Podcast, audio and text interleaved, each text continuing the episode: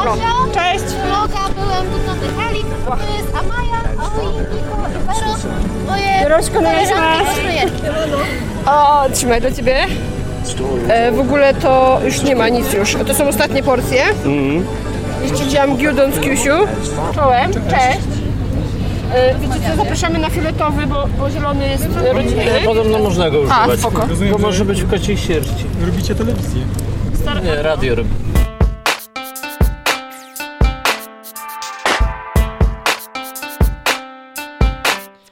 Cześć, robimy radio, czyli podcast o Japonii. Podcast Byłem tu Tony Halik, który prowadzą dla Was Asia Sokołowska. oraz Konrad Żentarzewski. Jak słyszeliście na samym wstępie, zaczęło się lato, a to znaczy, że nie możemy usiedzieć na miejscu i odwiedzamy wszelkiej maści imprezy japońskie, które się odbywają ostatnią sobotę. Odbywał się piknik Matsuri, czyli chyba największe w Warszawie święto kultury japońskiej. Zdecydowanie największe. I chcielibyśmy na początek naszego odcinka pokazać Wam, przekazać Wam taką krótką relację właśnie z tego festiwalu.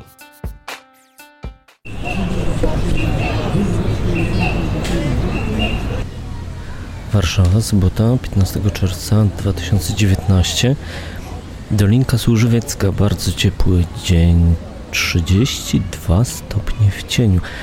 A tutaj wokół mnie jest mnóstwo ludzi zainteresowanych kulturą japońską i japońskie sceny, japońskie rzemiosło, japońskie sztuki walk. Mm, Japońscy artyści specjalnie ściągnięci tutaj na stulecie nawiązania stosunków dyplomatycznych Polska-Japonia. Co roku jest to chyba najważniejsza impreza, która się odbywa w Warszawie japońska, czyli japoński piknik Matsuri już od kilku lat właśnie tutaj na Dolince Służewieckiej ma postać takiego wielkiego pikniku, bo są i namioty z parasolami, są stoły, można sobie usiąść, zjeść, ale jest też cała polana e, porośnięta drzewami, gdzie e, my również się tutaj e, zadekowaliśmy. Mamy tutaj zielony, fioletowy kocyk, śmiejemy się, że w barwach naszego bloga. No i piknikujemy sobie. Przez cały dzień podchodzą do nas znajomi i pytamy ich również o to, jak ich wrażenia z Matsuri. Będziecie mieli okazję ich również poznać. A ja w tej chwili czekam na e, dziewczyny, które poszły po lody Kakigori. E, taki szeron, który jest zrobiony z lodu kruszonego, polewany słodkim syropem. E, limitowany syrop cioja tutaj na Matsuri można spróbować. No i to, co słyszycie w tle, to jest oczywiście Warszawa, bo mimo, że jesteśmy w parku, bardzo fajnym parku zielonym, Dolina Służywiecka, no to jednak dookoła jest mnóstwo hałasu, mnóstwo ruchu ulicznego. Piknik Matsuri y, składa się z kilku stref. Y, Jest scena w, y, można powiedzieć, w środku, czyli wewnątrz tutaj Ośrodka Kultury Służewiec na poziomie minus jeden, gdzie można sobie było obejrzeć występy chociażby japońskich bębniarzy. Słyszałem, że było to super widowisko. Ale jest również scena plenerowa w parku, gdzie można zobaczyć e, różne występy, prelekcje.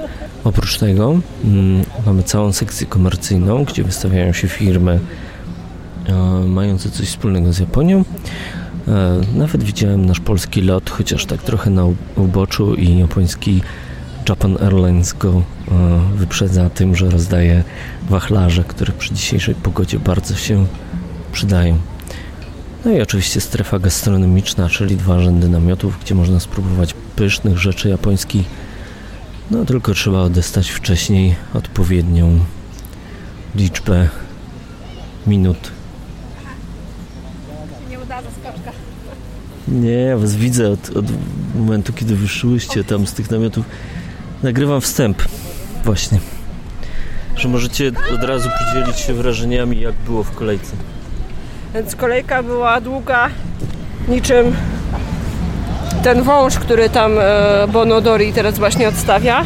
Ale zdecydowanie się opłacało, bo to jest chyba największy nasz przysmak, jeżeli chodzi o imprezę, czyli e, shaved ice, czyli kruszony lód e, w takiej specjalnej maszynie obrotowej. Mamy zdjęcie, jakieś nawet chyba filmik gdzieś mieliśmy. E, I ten lód jest polany e, syropem. E, I ten syrop dzisiaj to jest najlepszy jaki może być, bo o smaku e, kwaśnych moreli, japońskich, czyli ume. E, i, e, z tych ume się robi taki mm, alkohol cioja. Oczywiście ten syrop jest bezalkoholowy, e, no bo to... E, chociaż myślę, że alkoholowy też byłby nie- niezły. W każdym razie e, jest tak dobry, że ja wzięłam dwie porcje na wynos. Bo bałam się, że e, zanim tutaj dojdę, to zjem jedną i chyba prawie tak się stało. Ale Ja się mamy... długo nie utrzymam, Mamy jeszcze bonus, bo mamy napój o smaku yuzu. ale 0,0. Też 0,0, ale e, myślę, że napój smaku yuzu to też jest dosyć e, nietypowa rzecz w Polsce, więc warto było po niego sięgnąć. No ja słyszałem, że dwa tygodnie temu, jak ktoś chciał kakigori zjeść, to mógł kupić zupełnie bez kolejki w Muzeum Azji i Pacyfiku. słyszałeś, czy e, korzystałeś Nawet też? korzystałem. Korzystałeś z tego.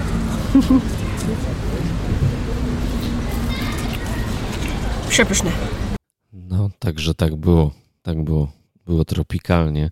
Ja już podejrzewam, że jutro będę zeskrobywał skórę schodzącą mi z czoła. Ja na szczęście się posmarowałam e, filtrem plus 50, więc jakoś się e, ocaliłam. E, ale faktycznie było tak gorąco, że prawie podobne wrażenia jak z japońskich festiwali latem w sierpniu czy, czy w lipcu w Japonii. Więc pogoda w, iście japońska, można było powiedzieć. No i jak słyszeliście, rozłożyliśmy się tam z kocykiem naszym, zielono-fioletowym. No i zapraszaliśmy, czy przychodzili do nas znajomi, trochę ich żeśmy przepytywali o Matsuri, o inne rzeczy. E, Była między innymi z nami Justyna, którą pewnie pamiętacie z e, chyba ósmego odcinka, jeżeli dobrze pamiętam, czy dziewiątego? Dziewiątego. E, Z dziewiątego odcinka podcastu. Mm, No i Justyna opowiadała nam też o swoich wrażeniach z Matsuri. Dzisiaj e, po raz kolejny na naszej antenie, można tak powiedzieć, e, specjalistka od cosplayu, czyli Justyna. Justyna Vivid Cosplay. Jak dotychczas to moim ulubionym momentem na Matsuri był występ y, z Eisa Odori. Tańczyła tam dwójka dorosłych ludzi i takie małe dziewczynki, które niesamowicie płynnie się poruszały, rytmicznie, wywijały drewnianymi mieczami, wachlarzami, bębnami. Były naprawdę niesamowite i wielkie brawa dla nich. A teraz najbardziej czekam na Bonodori, bo zawsze w tym korowodzie tańczę. A ja mam nawet chyba nagrany krótki filmik z tego, jak tam z Marią wywijacie na Bonodori w zeszłym roku. A jadłaś coś ciekawego? Jadłam y, przepyszny udon na zimno od Shoguna y, i jadłam klasycznie troszkę bao, troszkę pierożków. Y, omijam zazwyczaj y, sushi, bo sushi jest takie ojej już zbyt ma- mainstreamowe, prawda? Nie, po prostu łatwo, sushi jest łatwo dostać w każdym mieście, y, a na Matsuri lubię popróbować innych specjałów kuchni y, japońskiej, no bo przecież kuchnia japońska to nie tylko sushi. Ja słyszałem, że po takoyaki jest półtorej godziny kolejki.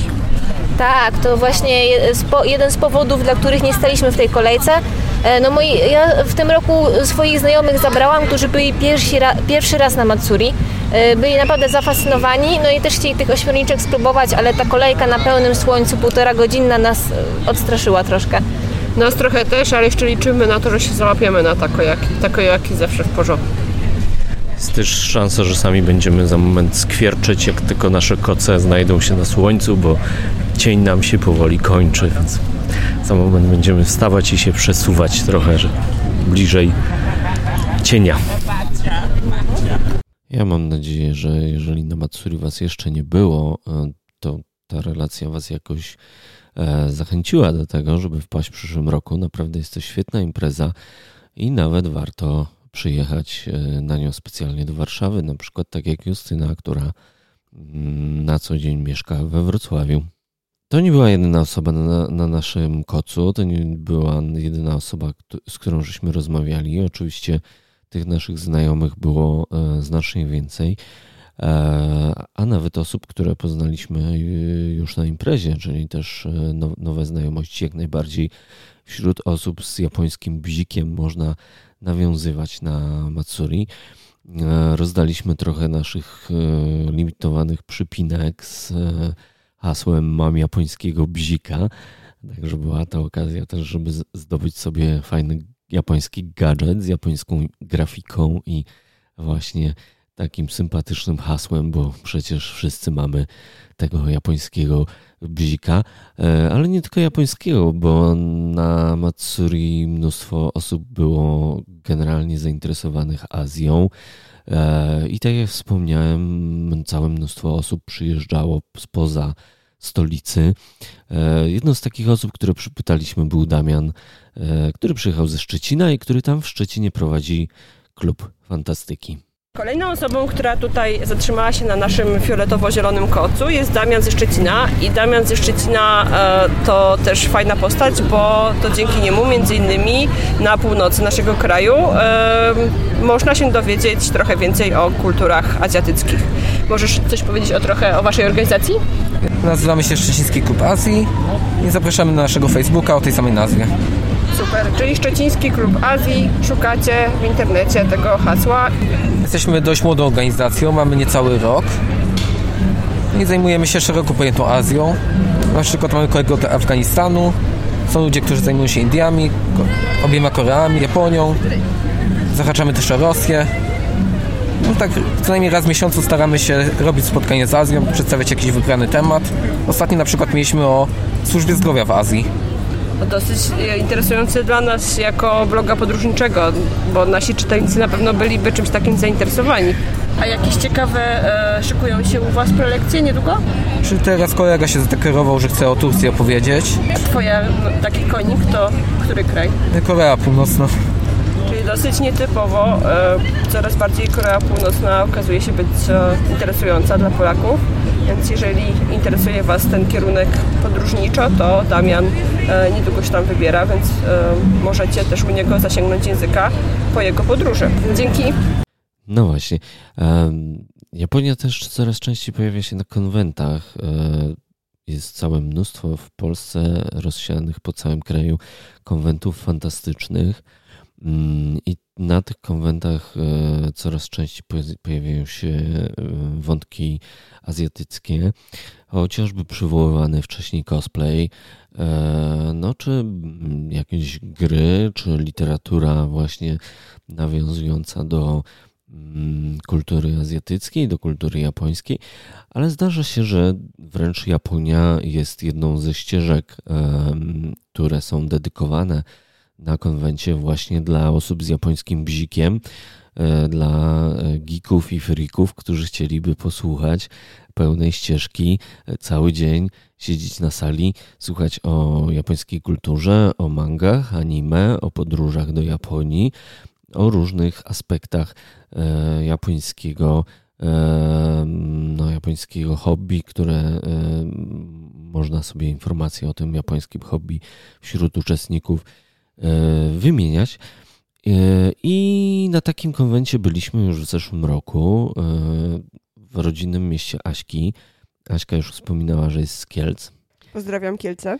Tak, i jest tam taki dosyć duży i słynny, fantastyczny konwent, i to fantastyczny zarówno E, ze względu na tematykę, jak i ze względu na e, organizację samej imprezy, bo jest naprawdę zorganizowana super.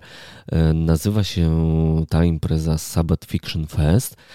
W zeszłym roku właśnie była tam ścieżka japońska, na której my też byliśmy z prezentacją Geek in Japan, czyli popkulturalny przewodnik po Japonii. Trochę pokazywaliśmy tam, jak można zwiedzać Japonię, ale właśnie od strony takiej bardziej, no może powie, można powiedzieć nawet otaku, czyli takiej osoby zafascynowanej kulturą i nawet popkulturą e, japońską. E, w tym roku e, również będziemy na sabacie. No i też złożyło się tak sympatycznie, że na Matsuri w Warszawie spotkaliśmy Przemka z, właśnie z Kielc, osobę, która odpowiada za tą ścieżkę japońską. No i posłuchajcie, co on nam powiedział. Cześć, jesteśmy na Matsuri, pikniku z kulturą japońską, największej imprezie, e, jeżeli chodzi o japońską kulturę w Polsce. To już jest e, kolejna edycja, my przychodzimy tutaj od wielu lat. E, Od kilku lat e, ta impreza odbywa się w ramach takiego rzeczywistego pikniku e, na dworze, na Służewiu i tak właśnie jest dzisiaj. Bardzo dużo stoisk, duża scena z występami, kilka mniejszych, w tym m.in. różne warsztaty. Natomiast bardzo dużo też fajnego jest jedzonka, jest strefa z kocami. I właśnie w tej strefie z kocami sobie teraz siedzimy i są z nami bardzo ciekawe osoby, ciekawe dla nas, ciekawe dla Was, bo między innymi jest Przemek, który e, w zeszłym roku zaprosił nas do udziału w konwencie Sabbath Fiction w Kielcach. E, Serdecznie pozdrawiamy wszystkich z Kielc, to jest moje rodzinne miasto i moje mm, do tej pory chyba ukochane miasto, mimo że od wielu lat mieszkam w Warszawie. Pojawimy się tam także w tym roku, e, ale chcielibyśmy, żeby właśnie Przemek jako organizator Was na tą imprezę zaprosił. Cześć. Tak, chciałem zaprosić Was na e, Sabbath Fiction Fest. W tym roku odbędzie się w dniach e, od 16 do 18 sierpnia, czyli e, weekend od tym niedzieli. E, Będziemy mieć no, najróżniejsze atrakcje, w tym oczywiście blok azjatycki, manga, anime, Japonia, też Korea, Chiny, prelekcje, konkursy, można będzie wygrać e, ciekawe nagrody. My też tam będziemy. Tak jest. W zeszłym roku był też świetny konkurs na cosplay. Ja po prostu byłam pod ogromnym wrażeniem, bo pierwszy raz e, widziałam takie e, scenki odgrywane tu, na głównej scenie. To było naprawdę rewelacyjne. Mam nadzieję, że coś takiego też będzie w tym roku. Oczywiście, Tak, tak. e, Planujemy też trochę zwiększyć jakby skalę e, właśnie cosplayu. E, W zeszłym roku mieliśmy trochę ograniczony czas na scenie e, no, ze względu na różne e, jeszcze koncerty i wydarzenia. W tym roku e, planujemy mieć osobną scenę koncertową na zewnątrz e, i jakby główna scena tam w środku e, będzie właśnie więcej czasu, że tak powiem, na e, cosplaye. Także dużo więcej e, uczestników planujemy w tym roku. E, No będzie co oglądać na pewno. Jeszcze powiedz, gdzie się odbywa impreza, bo ja. Tak, e, tak. E, Impreza odbyła się na targach Kielce, dwie hale e, do naszego wykorzystania. Blok mangowy. W tym roku planujemy już powiększyć skalę z jednej do dwóch sali, w których cały czas będą jakieś atrakcje się odbywały. Nawet późno w nocy, kiedy już wszyscy pójdą sobie spać, sala mangowa, że tak powiem, nie, nie zasypia. E, Zawsze będzie można było sobie siąść i pooglądać e, anime e, w nocy. Dla, tak, dla osób cierpiących na bezsenność świetna opcja. Także zapraszam. To można spać albo u Was na hali, Tak jest, jak jest na każdym konwencie. tak, jest możliwość oczywiście spania na hali. Mm, Nie jest dodatkowo płatne, wystarczy mieć tam trzydniową wejściówkę i e, można spędzić e, noc na konwencie. Oczywiście trzeba zabrać sobie e, jakąś matę, e, śpiwór, e, co kto woli, co kto woli. A ile wyjściówka na konwent? E, o ile pamiętam, musiałbym sprawdzić, e, 45 zł za 3 dni, jeśli się nie mylę. No, super atrakcyjna cena. A chyba jeszcze zgłoszenia nie są zamknięte, prawda? Można, gdyby nie. ktoś miał ochotę, to może do Was e, prelekcje zgłaszać. Oczywiście, można już e, kupować wejściówki. E, W tym roku pierwszy raz e, jest możliwość kupienia wejściówek e, przez internet i właśnie e, cenie 10 zł tańszej niż na miejscu. To podlinkujemy Wam e, opisie tego podcastu, e, tej relacji z Matsuri, link do e, sprzedaży biletów. I też nowa rzecz, że my jako blog e, Byłem tu ten Halik mamy w tym roku patronat medialny nad tą imprezą, więc jeśli Was interesują program, co tam się będzie działo, dokładne daty, właśnie sprzedaż biletów i tak dalej, to będziemy pisać o tym na blogu. Zapraszamy na btth.pl. No i tak jak zwykle po każdym podcaście też na naszym blogu umieszczamy notatki z podcastu, więc tam też wszystkie e, szczegóły w formie takiej zwięzłej będziecie mogli sobie przeczytać. Także To była nasza krótka relacja z e, Matsuri Warszawskiego, które odbyło się w ten weekend, e, ostatni 15 czerwca, konkretnie w sobotę. A teraz czas przejść do tematu odcinka. Dzisiaj porozmawiamy sobie troszeczkę o stolicy Japonii, czyli o Tokio, o aktualnej stolicy, bo tych stolic już Japonia miała kilka. O kolejnych miastach też byśmy chcieli opowiedzieć, ale zaczniemy E, od tej największej metropolii stołecznej, ponieważ właśnie taki temat wybrali nasi członkowie grupy Japonia budżetowo tanie podróżowanie, naszej grupy na Facebooku. Postanowiliśmy przygotować taką, taki krótki przewodnik o atrakcjach, o mm, miejscach, zarówno jeżeli chodzi o kulturę klasyczną, jak i też trochę tą popkulturę, o której już trochę mówiliśmy dzisiaj. E, w, kontek w kontekście e, konwentu. E, I zaproponujemy Wam też takie zwiedzanie Tokio w skrócie. Jeżeli ktoś ma bardzo mało czasu, to taka bardzo skonsolidowana wersja zwiedzania Tokio też, też będzie przez nas zaproponowana. Sprawdzona wersja, co więcej. Także jeżeli chcecie mieć realny wpływ na to, jak wygląda podcast, na tematy, na jakieś tam też kulisy, informacje o tym, o czym będą nadchodzące odcinki, czy chcecie zadać jakieś pytania związane z nimi, zapraszamy Was niezmiennie na naszą grupę www.facebook.com ukośnik groups ukośnik Japonia budżetowo.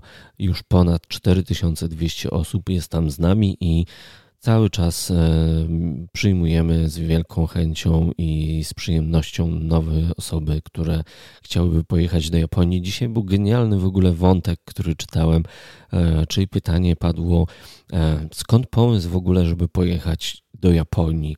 Skąd się wzięła Wasza fascynacja tym i chęć na to, żeby pojechać, żeby wyjechać właśnie do Japonii? Dlaczego do Japonii?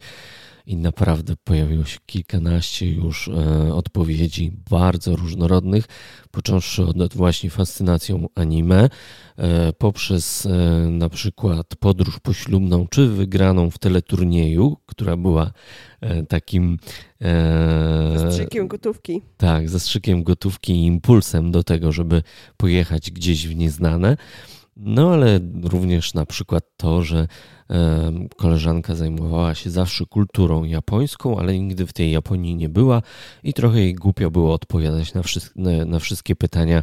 E, a skoro interesujesz się kulturą Japonii, to czy już byłaś, gdzie ci się podobało? No i głupio było odpowiadać, że nie, jeszcze nie, prawda? No, jest to doskonała motywacja, żeby też do Japonii wyjechać.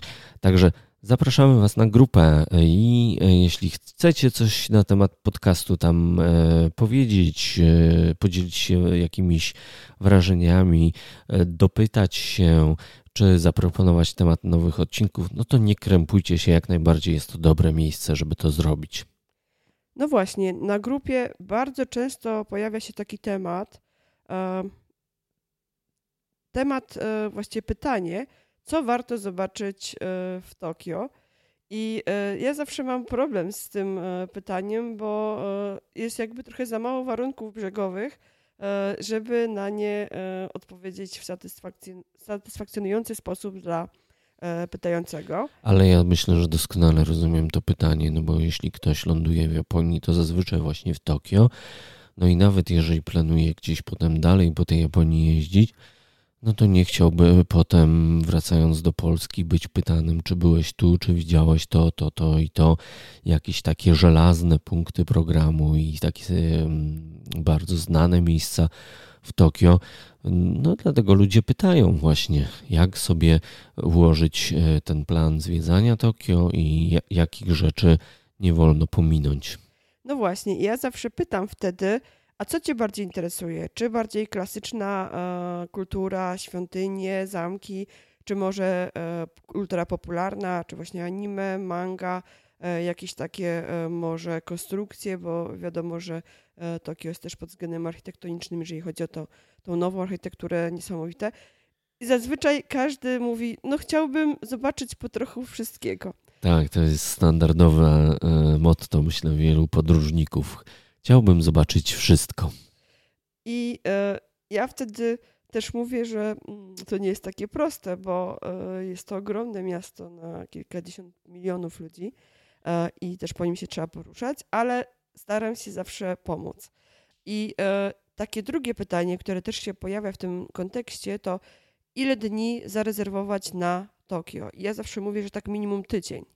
Mi się wydaje, że rekordzista mówił o dwóch tygodniach, że chciałby pojechać tylko do Tokio i spędzić tam dwa tygodnie. I oczywiście część ludzi mówiło, mmm, nie, przesada, za dużo, w Tokio 2-3 dni, 4-5 może maksymalnie. Ale byli ci też tacy, którzy mówili, come on, Tokio jest tak ciekawe, że spokojnie można tam sobie znaleźć zajęcie na, Na dwa tygodnie właśnie, żeby spędzić. No oczywiście inny temat to jest, czy warto, nie warto gdzieś z tego Tokio się wydostać, no chociażby, żeby poznać troszeczkę więcej mm, oblicz Japonii, a nie tylko takiego wielko, wielkomiejskiego zgiełku. Ale tak czy inaczej, wniosek z tego wypływa taki, że Tokio jest wielkie i Tokio samo w sobie jest bardzo, bardzo ciekawe. jest fascynujące. Czasami ten wyjazd nie zawsze też e, zakłada wyjazd poza aglomerację tokijską. E, Ja sama, jak byłam w Japonii po raz pierwszy, to byłam w zasadzie tylko w Tokio, bo byłam wtedy na wyjeździe służbowym, ale wysupłałam z tego wyjazdu trochę czasu na zwiedzanie. I to było takie zwiedzanie mega w pigułce. e, Natomiast powiem szczerze, że do tego zwiedzania bardzo się przygotowałam wcześniej, czyli zrobiłam sobie rozpoznanie różnych takich ciekawostek. E, Bardzo wiele mi w tym pomogli też znajomi, którzy e, Polacy, ale też Japończycy, którzy e, jakby e, to, ten mój plan zwiedzania na bieżąco ze mną konsultowali. E, Czasami było tak, że byli bardzo zaskoczeni tym, co ja bym chciała zobaczyć, bo nie spodziewali się na przykład, że e, Kabukicio będzie dla mnie interesujące i aż po prostu się zachwystywali ze śmiechu, że chcę tam iść. Kabukicio to taka dzielnica trochę niebezpieczna, ale to No, chyba owiana, owiana taką złą legendą już w dzisiejszych czasach. Nie biegają tam gangi jakuzy z e, bronią, z tak, pistoletami, e, rozwiązując swoje porachunki. Natomiast jest e, słynna, przesłynna Sakura Dori, czyli wiśniowa ulica, mm, no, która jest bardzo takim turystycznym deptakiem. bardzo turystyczny. Ale zacznijmy może od tego, e, jak mm, zacząć swoją podróż e, po, e, po Japonii, po odkrywaniu najpierw jej stolicy. Może warto zacząć od tego, że mm, takim też dosyć istotnym, jakby można powiedzieć, charakter, istotną charakterystyką miasta jest to, że miasto nie ma jednego centrum. E, Nie ma czegoś takiego, że e, tak jak jesteśmy szczojeni do, do starych miast w Europie, że e, katedra, jakiś rynek, jakiś plac targowy i wokół tego miasto się rozrastało. Czegoś takiego, takiej jednej dzielnicy centralnej nie ma i to też jest dosyć zaskakujące dla ludzi, którzy zaczynają planować miejsce, bazę noclegową, bo oni by chcieli gdzieś w centrum, a, a ja się pytam, ale w którym? Bo tak jest kilka, bo i to takich naprawdę ważnych miejsc. Ale umówmy się, że takim punktem startowym, i to też e, dosyć jest istotne, jeżeli potem będziecie e, podróżować, albo też w ogóle stamtąd wyruszać na, e, na inne krańce miasta. Umówmy się, że tą okolicą będą okoli, będzie okolica dworca tokijskiego, czyli Tokio Eki i ogrodów e, cesarskich, o których już troszeczkę opowiadaliśmy w jednym z odcinków o naturalnych zakątkach Japonii. No to, że Tokio składa się właśnie z takich em, różnych miejsc, różnych centrów. em, mówi się też na to różne wioski Tokio, bo nie tylko ta wielorakość e, dotyczy centrów e, miasta, których jest przynajmniej kilka, ale również e, dzielnic mieszkaniowych, więc to jest też argument do tego, żeby zagubić się w Tokio i tak naprawdę popatrzeć sobie, jak w różnych miejscach ró- różni ludzie mieszkają, bo jak sobie odjedziecie poza to centrum w różnych kierunkach, na różne dzielnice, to zobaczycie, że to miasto naprawdę jest zróżnicowane i ma różne swoje oblicza. Ja się zastanawiałam tak naprawdę, mm, jak tą waszą pierwszą skumulowaną e, dzienną trasę zaplanować, bo e, mogą być dwa warianty, e, które sobie tak w głowie przemyślałam i które też zresztą jeden z nich zrealizowałam, ale pomyślałam, że fajniej będzie, jeżeli to zrobimy tak trochę od starszych rzeczy, od bardziej klasycznych do tych nowoczesnych. I kiedy już będziecie w okolicach właśnie tych ogrodów cesarskich, które zdecydowanie warto odwiedzić samego rana, kiedy jeszcze nie jest bardzo gorąco i też jest mniej ludzi, to potem chciałabym Wam zaproponować e, przejazd do e, jednej z, naj, z najstarszych dzielnic, właściwie z naj, najstarszej dzielnicy, jeżeli chodzi o, o to, e, tą naszą japońską stolicę, czyli do Asaksy, gdzie znajduje się jedna z najstarszych i jedna z, znaczy z najsłynniejszych przede wszystkim świątyni, czyli Sensoji. E, Sensodzi to jest świątynia e, buddyjska. Odwiedza ją ogromna ilość ludzi i dlatego e, jeżeli pojawicie się tam z samego rana, to jest szansa, że troszeczkę na spokojniej i trochę w mniejszym tłoku będziecie mogli tą świątynię odwiedzić. Ja jeszcze tak chciałam Wam zaproponować, żebyście do tej świątyni wrócili też wieczorem, bo Także już po e, zamknięciu tych wszystkich części um, udostępnionych turystom, jeżeli chodzi o, o, te części sakralne, to po tym kompleksie dookoła można wieczorem pochodzić, ale mimo wszystko, e, jeżeli interesują Was te aspekty, jak obrzędy się odbywają, chcielibyście zapalić kadzidło, czyli poczuć troszeczkę ten klimat tego ceremoniału, to jednak myślę, że rano będzie taką fajną Mm, porą, żeby tam pojechać. E, jest to naprawdę punkt konieczny. On się pojawia we wszystkich przewodnikach. I mimo, że e, to nie... Na większości filmików w YouTubie. Tak, mimo, że to nie jest e, nasza ulubiona świątynia, ponieważ ona jest taka troszeczkę cukierkowo-odpustowa, to to jest właśnie chyba to, co wyobrażają sobie ludzie, kiedy myślą o tych czerwonych, czarno-czerwono-złotych e, buddyjskich świątyniach i myślę, że jak na pierwszy taki widok, e, który potem możecie sobie potem e, w pewien sposób zrewidować i odnieść do, także do innych rodzajów świątyń, jest to jakiś taki punkt referencyjny. Ta świątynia też jest ciekawa z tego względu, że otaczają, mm, otaczają ją budynki bardzo stare, E, zresztą do samej świątyni prowadzi też taka e, uliczka na Kamisę, e, która mm, jej, jej nazwę można przetłumaczyć pomiędzy sklepami, czy pomiędzy sklepikami malutkimi właściwie, bo jest tam mnóstwo straganów i z jedzeniem, z rękodziełem i, i z rzeczami, które na pewno byście chcieli przywieźć do domu, ale także swoim znajomym w postaci jakichś drobnych upominków i co ciekawe, nie jest tam jakoś super drogo.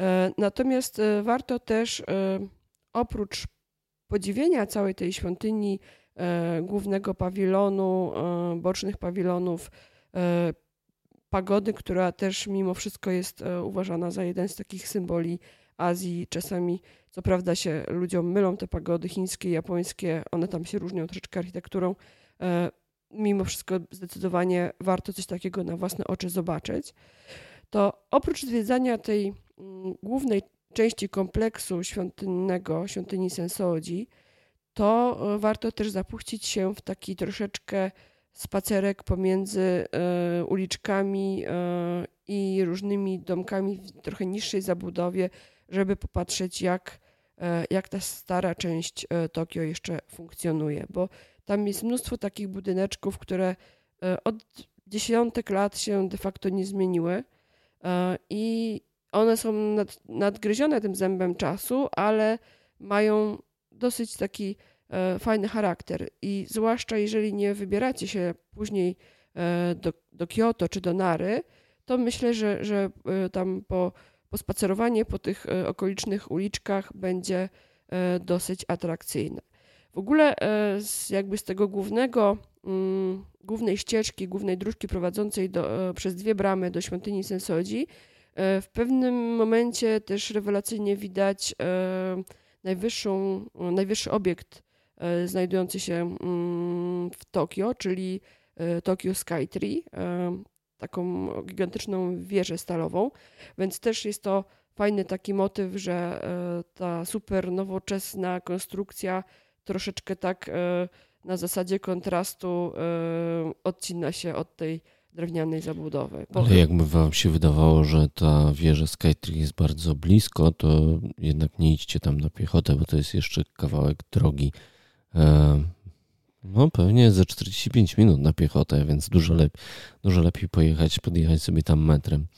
Ja mm, chyba lubię Sensodzi najbardziej, jak jest właśnie po zmroku i nie widać, e, zacierają się te wszystkie takie detale, e, znika ta cała cukierkowość, e, jest troszeczkę niedopowiedzenia, troszeczkę tego mroku, ale mm, również świątynia jest bardzo ładnie oświetlona, wszystkie pawilony, pagoda, także po zmroku myślę, że drugi raz też warto sobie tam podejść czy podjechać, po to, żeby zrobić nowe zdjęcia, żeby poczuć się tak bardziej, mm, może inaczej, e, poczuć troszeczkę bardziej taki klimat mistyczny niż właśnie ten cukierkowy za dnia z wielkimi uliczkami pełnymi handlarzy i z całym mnóstwem turystów, którzy tam się przez ten obiekt e, przebijają przez e, cały dzień.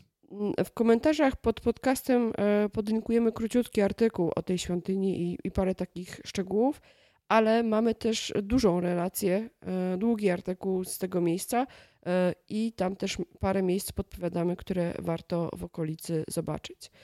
Natomiast jeżeli będziecie chcieli właśnie stamtąd kontynuować podróż, to jest taka możliwość, żebyście wrócili do tak jakby głównego punktu, e, jednego z głównych punktów w Asakusie, czy w Asaksie, jak mówimy Japończycy, e, a mianowicie do mostka, e, z którego widać bardzo fajnie też oczywiście to Tokyo Skytree, bo jego trudno w okolicy nie zauważyć, ale też na przykład budynek Asahi, który jest w kształcie takiego szklanki piwa z pianką, można powiedzieć ale też znajduje się tam tak, taka inna śmieszna konstrukcja, która trochę mi osobiście przypomina e, złoty znicz.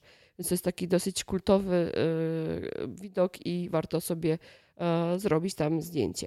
A lokalsi mówią chyba na to złota kupa. No i oczywiście jest rzeka Sumida również. Tak, to w ogóle jest widok z nadmostu po drugiej stronie rzeki Sumidy. I tutaj bardzo dobrze, że o tym wspominasz, bo jest taka bardzo fajna możliwość zwiedzania e, Tokio z trochę innej perspektywy, bo tą rzeką Sumidą można przepłynąć się wodnym tramwajem i te tramwaje są różne, trochę bardziej takie e, tradycyjne łodzie, ale też są takie super nowoczesne, przypominające e, kosmiczne, jakieś takie statko-wodoloty. Niezależnie od tego, który, który ten wodny tramwaj wybierzecie, możecie przepłynąć sobie pod niezliczonymi mosteczkami o przeróżnych konstrukcjach e, zawieszonymi nad e, rzeką Sumida, czyli Sumidagawa, e, popłynąć sobie aż do sztucznej wyspy Odaiba mm, i ten port, w którym się wysiada, znajduje się na plaży, właściwie tuż pod mostem tęczowym Rainbow Bridge i stamtąd możecie przejść w okolice e, Odaiba Dex. E, to są takie dosyć e, kultowe centra handlowe i centra rozrywki. Na, tak jak powiedziałam, sztucznie utworzonej wyspie, która mieści oprócz tych centrów handlowych także bardzo ciekawe obiekty kulturalne, bo jest to świetne miejsce na zakupy. Można tam też wypić e, kawę, coś zjeść i popatrzeć na ten przepiękny most e, tęczowy, ale można też e, troszeczkę zagłębić się w kulturę taką super nowoczesną, bo to właśnie na Odajbie znajduje się coś, co można powiedzieć, że jest odpowiednikiem naszego Centrum Kopernika, Centrum Nauki, bo tam znajduje się Mirajkan, czyli niesamowity taki obiekt, w którym różne ciekawe super nowoczesne rzeczy można pooglądać. Można między innymi tam zobaczyć pokaz e, tańczącego robota Asimo. Można wejść do modułu kosmicznego. E, można zobaczyć całą masę różnych dziwacznych wynalazków i jest to dosyć, dosyć fajne, fajne miejsce. No i od niedawna również na Dajbie można zjeść całkiem niezłe sushi, bo e, dawniejszy, dawniejszy targ rybny, największy na świecie targ rybny Tsukiji zrelokował się właśnie na Odajbę. E, nazywa się teraz e, Toyosu. Toyosu, tak. I w ramach tej super nowoczesnej hali, która tam na Odajbie powstała, jest również całe mnóstwo restauracji z rewelacyjnym tuńczykiem. Z rewelacyjnym tuńczykiem. Także jeżeli chcecie spróbować najlepszego tu sushi na świecie, to targi rybne będą miejscem, gdzie na pewno będziecie chcieli pojechać. Jak będziecie na Odajbie, to w ogóle może Was zaskoczyć kilka rzeczy, bo e, nas osobiście też one zaskoczyły bo e, jedną z konstrukcji, która będzie dosyć właśnie w bliskim, bliskim sąsiedztwie e, Toyosu i Miraikan, jest taki nowoczesny, nowoczesna konstrukcja, która wygląda niemal do złudzenia identycznie jak nowoczesny łuk triumfalny w Paryżu, tylko odrobinę mniejszy. Co więcej, jak będziecie wysiadać z tego wodnego tramwaju, to może Was zaskoczyć widok e, statuły wolności, bo e, odpowiednik tej statuły także Japończycy sobie zafundowali u siebie w mieście. E, jest też taki dziwaczny hotel, który przypomina Koloseum. I, I te obiekty też są dosyć charakterystyczne. Myślę, że E, nie jedna osoba chętnie sobie zrobi zdjęcie na, e, na ich tle. No i słynny budynek telewizji Fuji, gdzie mamy na wysokości kilkunastu pięter zawieszoną taką wielką kulę z restauracją w środku. Tak, jest to bardzo kultowy widok. E, zwłaszcza, że był to jeden z pierwszych takich dziwacznych budynków w tamtej okolicy. Ale jeżeli będziecie mieli ochotę na chwilę odpoczynku, a może e, nawet nie do końca odpoczynku, ale na ciekawe przeżycie, to jeżeli e, udacie się w stronę właśnie tego, powiedzmy, łuku triumfalnego, nowoczesnego, to tam za zakrętem, e, niedaleko stacji kolejki, która się nazywa Teleport, to też jest zresztą ciekawe, znajduje się ciekawy park wodny Oedo Onsen Monogatari, czyli opowieść o onsenie z czasów Edo. E, troszeczkę o tym miejscu opowiadaliśmy w naszym e, odcinku podcastów o onsenach. W każdym razie tak na krótko powiem, że jest to e, park wodny ze strefą spa, bardzo przyjemną i bardzo taką nowoczesną, ale utrzymaną w konwencji starego onsenu, bo znajdują tam się też balie i różne takie zbiorniki, także drewniane. Natomiast e, cała część e, taka można powiedzieć rozrywkowa to jest e, zbudowana jako replika wioski, miasteczka z czasów Edo. Edo to jest w ogóle dawna nazwa, nazwa, dawna nazwa stolicy, czyli Tokio. I tam też można sobie porobić fantastyczne zdjęcia w yukatach, które są dostępne na miejscu. E, niektóre e, strefy są e, koedukacyjne, więc można sobie pójść na taki na takie wspólne moczenie stóp w ogrodzie. Są też restauracje, jest też w ogóle cała taka replika mm, jakby placyku wioskowego z wieżą. Dosyć to fajnie wygląda. Na pewno jest to ciekawa opcja dla dzieciaków. E, więc wszyscy, którzy podróżują z dziećmi do Japonii, a wiem, że takich osób jest coraz więcej, bo na naszej grupie coraz częściej się pojawiają pytania o atrakcje dla dzieciaków także, więc nie tylko Disneyland, ale jak najbardziej Oedo Onsen Monogatari. A dla e, osób, które chcą troszeczkę zaznać tej onsonowej kultury, jest to możliwość właśnie, żeby e, w bardzo takich mm, higienicznych warunkach e, wykąpać się i, i, i, się z taką kulturą senową zapoznać, bo e, dostaje się instrukcje, jak się ubrać, jak się rozebrać, co robić, gdzie i jest to naprawdę fajna szkoła senowa. I mimo, że mm, jest to takie bardzo komercyjne miejsce i przypomina miejscami e, centra handlowe, to jest tam również zewnętrzna kąpiel, jest tam, są tam zewnętrzne baseny i można sobie znów, e, może zabrzmie monotematycznie, ale szczególnie po zmroku, można sobie tam posiedzieć w gorącej wodzie, no i chociażby pogapić się na przelatujące nad Odajbą samoloty. No właśnie, bo niedaleko, stosunkowo niedaleko Odajby jest lotnisko Haneda, czyli to drugie lotnisko, e, które znajduje się w obrębie aglomeracji tokijskiej, a nie 100 kilometrów dalej, czyli e, lotnisko Narita. Jeszcze taką jedną e, atrakcją, która będzie na, na pewno um, oblegana przez wszystkie osoby, które interesują się mangą, anime i, i właśnie tego typu popkulturą, będzie e, mm, wielka, e, nie wiem jak to nazwać, replika, że, trudno powiedzieć, e, że to jest replika, ale mm, rzeźba, rzeźba odzorowanie. Model. Może nawet właściwie trzeba powiedzieć, że instalacja, bo ona jest częściowo ruch, jak ruchoma. Wielka figura Gundama Unicorn.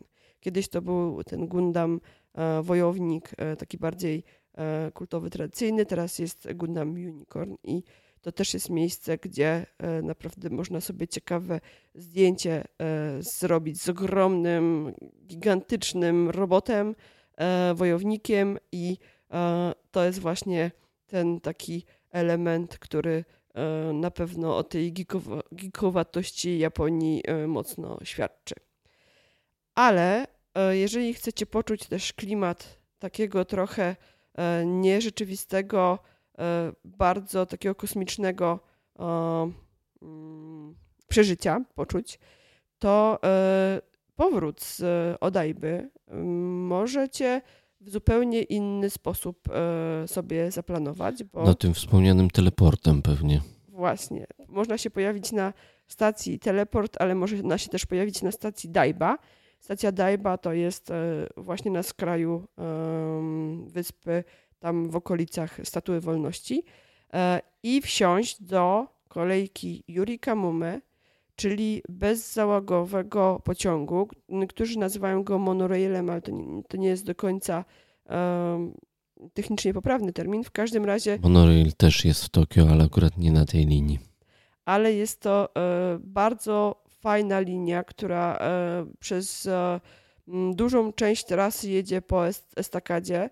E, przejeżdża też przez most tęczowy, którym można zobaczyć wtedy od środka tą fantastyczną konstrukcję, która trochę przypomina most Golden Gate. Zobaczyć od środka, ale też porobić świetne zdjęcia widoku całego mostu z różnych dziwnych ujęć. I ta kolejka jest naprawdę fantastyczna. Przejazd nią dosyć sporo kosztuje, bo to jest jakieś chyba e, niecałe 500 jenów, ale wydaje mi się, że między 400 a 500 jenów w zależności od stacji, e, na której wsiądziecie. I e, przejazd tą kolejką to jest naprawdę e, trochę jak roller coaster, bo e, jeździ się potem przez e, dzielnice takie e, wysokościowców, wieżowców niesamowitych. E, naprawdę e, troszkę można poczuć taki klimat jak z łowcy androidów, mi się wydaje, że tam można taki poczuć.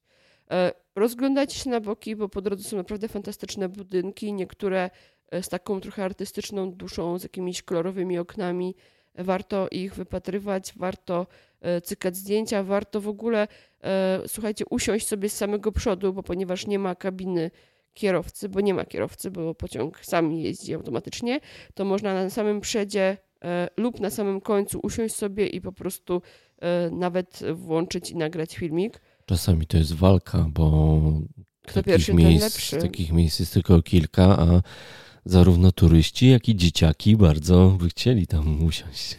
Tak, więc jeżeli okaże się, że wsiadacie do zatłoczonego pociągu, e, kolejki, to może warto wysiąść i ustawić się w kolejeczce, żeby pojechać za kilkanaście minut następnym, e, kilkanaście lub kilka, w zależności o jakiej porze tam będziecie, żeby właśnie e, wykorzystać jak najbardziej tą dosyć kosztowną, ale naprawdę fantastyczną przejażdżkę tym e, tym po, pociągiem, kolejką. No i to jest dobra miejscówka na Instagrama też. W ogóle zwróćcie też uwagę na poszczególne stacje, ponieważ e, są one e, przyozdobione motywami takich e, mm, wzorów, które się pojawiają na yukatach, na kimonach, e, takich geometrycznych. Każda stacja jest trochę inna i e, projektowane były przez e, japońskich artystów i e, też to jest też taki dodatkowy, e, dodatkowa ciekawostka. E, możecie jechać do końca tym pociągiem e, i traficie wtedy też na, na taką mm, dosyć ciekawą stację, z której można się przesiąść potem już bezpośrednio na metro. Trzeba iść za drogowskazami, e, ale po drodze też można zobaczyć fajne, fajne widoki, e, przechodząc przez tą stację, przez estakady. E, Z tego co pamiętam, to jest stacja Nihonbashi, czyli japoński most. E, I e, tam warto przesiąść się w e, metro. I tym metrem proponuję Wam przejażdżkę w kolejne e, mega kultowe miejsce, a mianowicie do Shinjuku. Shinjuku to jest dosyć duży obszar i on, ma, on jest podzielony na, na kilka mniejszych, tak zwanych ciome i e, będzie tam Shinjuku, Nichome, Shinjuku, Ichiciome i tak dalej, więc e, ale jedźcie na tą główną stację, e, bo sama ta stacja jest dosyć kultowa. Z tego co pamiętam, kiedyś sprawdzałam, to było parę lat temu, e, oni twierdzili, e, że przez tą stację metra przewija się dziennie milion, milion ludzi? Chyba Mhm. coś takiego, ale pewnie I to już- jest, i to jest słuchajcie, dosyć e, osobliwa atrakcja turystyczna, bo tam na tej stacji Shinjuku się nie da nie zgubić. Więc e, jeśli ktoś jest e, kontrol freakiem i boi się tego, że może wyjść w złym miejscu z metra niż mu się wydawało, a czasami ta stacja jest tak gigantyczna, że można na zupełnie inną stronę dzielnicy wyjść i co innego zobaczyć niż się chciało, no to tutaj potrzeba jest e, spora dawka dystansu i takiego e, poko- spokoju zen, bo e, nawet miejscowi się na tej stacji gubią. w ogóle tam można wyjść na, mm, na dwie części, na, na część wschodnią, tą bardziej rozrywkową i na część zachodnią. I my kiedyś chyba z zegarkiem w ręku próbowaliśmy zmierzyć, ile e, szybkim krokiem, znając już tą okolicę i znając podziemia, ile, ile się przechodzi z jednej części, z jednego wyjścia na, e, skrajnego na drugie. To było jakieś 20 do 30 minut. Pamiętam, nam to chyba wtedy, e, wtedy za, e, zajmowało ta, e, ta, ta taka przechadzka. W każdym razie e, my byśmy najpierw Wam jednak proponowali pójść na część zachodnią, bo e, mimo, że pewnie zdjęcia kojarzycie z tego Shinjuku e, wschodniego, gdzie jest mnóstwo neonów, tam też e, chętnie Was za chwilę zaprowadzimy, to jednak część zachodnia ma w sobie taką dosyć ważną atrakcję, bo chociaż jest to miejsce, gdzie jest kolejna masa nowoczesnych wieżowców, które tak naprawdę podobne rzeczy widzieliście chwilę wcześniej podróżując kolejką Yurikamome, e, to te wieżowce są dosyć charakterystyczne. Jest tam na przykład kokun, e, który przypomina trochę ten e, budynek w Londynie, e, ale jest też dosyć, dosyć szczególne miejsce, bo mm, jest ratusz tokijski. Taki bardzo charakterystyczny budynek, z tego co pamiętam, zaprojektowany przez Kenzo Tange, który był inspirowany e, katedrą Marii Panny w Paryżu, katedrą Notre Dame, bo e, ma taką bryłę e, jakby prostopadłościanu z dwoma wieżami po, pra- po prawej, no z dwoma wieżami po bokach. Jakby ktoś szukał tego budynku na Google Mapsach, to nazywa się po angielsku Tokyo Metropolitan Government Building. I dlaczego Was tam zachęcamy, żebyście się wybrali? Bo poza tym, że można zrobić fantastyczne zdjęcie naprawdę niesamowitego budynku, e, niesamowitej bryły architektonicznej, to na jedną z wież można wjechać bezpłatnie i e, jest to jedno z najfajniejszych miejsc, jeżeli chodzi o obserwację e, Tokio z góry, e, bez płacenia ogromnej kwoty, bo oczywiście można się wybrać na Tokio Skytree. Ja nie mam pojęcia, jak w tym momencie teraz jest, ale kiedyś to trzeba było robić e, rezerwacje albo na jakieś konkretne godziny się umawiać. E, teraz chyba już jest trochę łatwiej, bo Teraz tylko pogoda musi dopisać, no bo to już jest czasami nad chmurami. E, To prawda. Natomiast mm, sama ta, sam ten wjazd na górę tej konstrukcji, tego budynku ratusza tokijskiego też jest fajny, bo ten budynek jest w środku trochę taki retro. I tam jest i restauracja, i sklepy z pamiątkami, e, ale przede wszystkim z bardzo wielu stron e, można zobaczyć panoramę e, Tokio, zobaczyć jak ono jest ogromne. A ogromne jest na tyle, że e, my mówimy, że lotnisko Narita jest 100 km za miastem, ale tak naprawdę to e, wsiadając e, w pociąg e, na lotnisku Narita, to tak naprawdę jesteśmy już na e, przedmieściach, prawie że na przedmieściach e, Tokio, więc tak naprawdę nie wiadomo, kiedy to miasto się e, zaczyna, bo ono się ciągnie po parędziesiąt kilometrów w każdą stronę i, i, i po prostu patrzy się i po horyzont są budynki. I co najważniejsze, jest to jedna z tych właśnie e, opcji budżetowych, które chcemy Wam podpowiadać, żebyście nie zbankrutowali. Czyli zamiast płacić parę tysięcy jenów, można sobie tam pojechać i na spokojnie miasto poglądać. Zresztą stamtąd e, bardzo fajnie widać i, e, i Shinjuku, i parki, o których opowiadaliśmy w, w poprzednich odcinkach. E, One wyglądają niesamowicie, bo takie plamy zieleni wśród gęstej szaro-srebrno-szklanej zabudowy. I można wypatrzyć sobie kilka charakterystycznych budynków, jak na przykład wieża Tokyo Tower, czyli Tokyo Tower, dawniej e, jedna z najwyższych, dawniej najwyższa e, konstrukcja e, w Tokio, Nie mylić ze Skytree. nie mylić ze Skytree, zwłaszcza, że one tak różnią się bardzo, jeżeli chodzi o konstrukcję, o kształt, że nie sposób ich pomylić, bo, bo Tokyo Tower jest tak naprawdę kolejną, jakby to powiedzieć, odpowiednikiem, inspiracją, którą Japończycy postanowili e, u siebie e, umiejscowić, bo wygląda jak wieża Eiffla, e, tylko czerwona. E, I tam też warto się wybrać, jeżeli byście mieli trochę więcej czasu. Na pewno nie w tym super szybkim zwiedzaniu, które Wam proponujemy tak na, na szybko na jed, jeden, półtora dnia, bo e, no wiadomo, że trzeba było się tam dostać i trochę czasu spędzić. E, Natomiast polecamy Wam to jako takie uzupełnienie pobytu e, w Tokio i jako, jeżeli macie parę dni, to jako must see totalnie, bo jednak e, klimat tej wieży i to też jest takie mega retro, e, jest dosyć, dosyć fajny, ale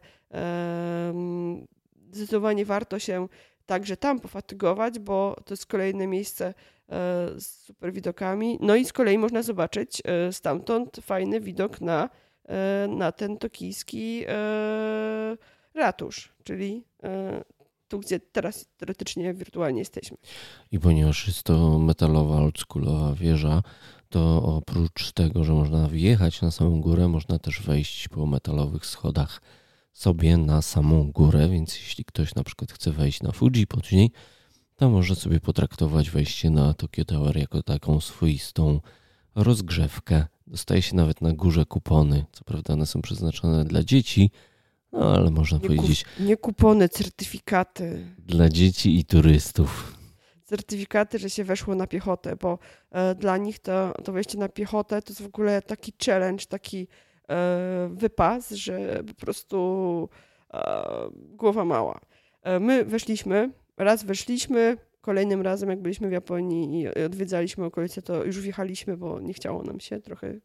Ale e, z tego e, jakby wejścia po schodach też, też są fajne zdjęcia i, i taką fotorelację też możemy Wam e, podlinkować. Zresztą e, o Shinjuku też u nas na blogu są dwa artykuły oddzielne o części zachodniej, tej nowoczesnej z, z, e, z tym em, budynkiem ratusza i, i z wieżowcami, jak też o części e, tej drugiej, bardziej turystycznej, czyli części wschodniej. Tak, czyli jeżeli nasza wycieczka po Tokio w formie podcastowej będzie dla Was zbyt skomplikowana, żeby ją śledzić, czy za dużo szczegółów, żeby to wszystko zapamiętać, to dobra wiadomość jest, że wszystko to mamy w formie pisanej i będzie to podlinkowane. Ja jeszcze tylko opowiem taką ciekawostkę, bo powiedziałam, że kiedyś e, ta czerwona wieża, powiedzmy, że czerwona wieża Eiffla była e, najwyższą konstrukcją, bo trudno powiedzieć, że budynkiem, bo to jest jednak e, konstrukcja wieżowa. Ona ma 133 metry, z tego co pamiętam. Natomiast e, to Tokyo Skytree, ta smukła wieża, którą świetnie widać e, właśnie za Sakusy, to ma przeszło 600, nie, niecałe 650 metrów.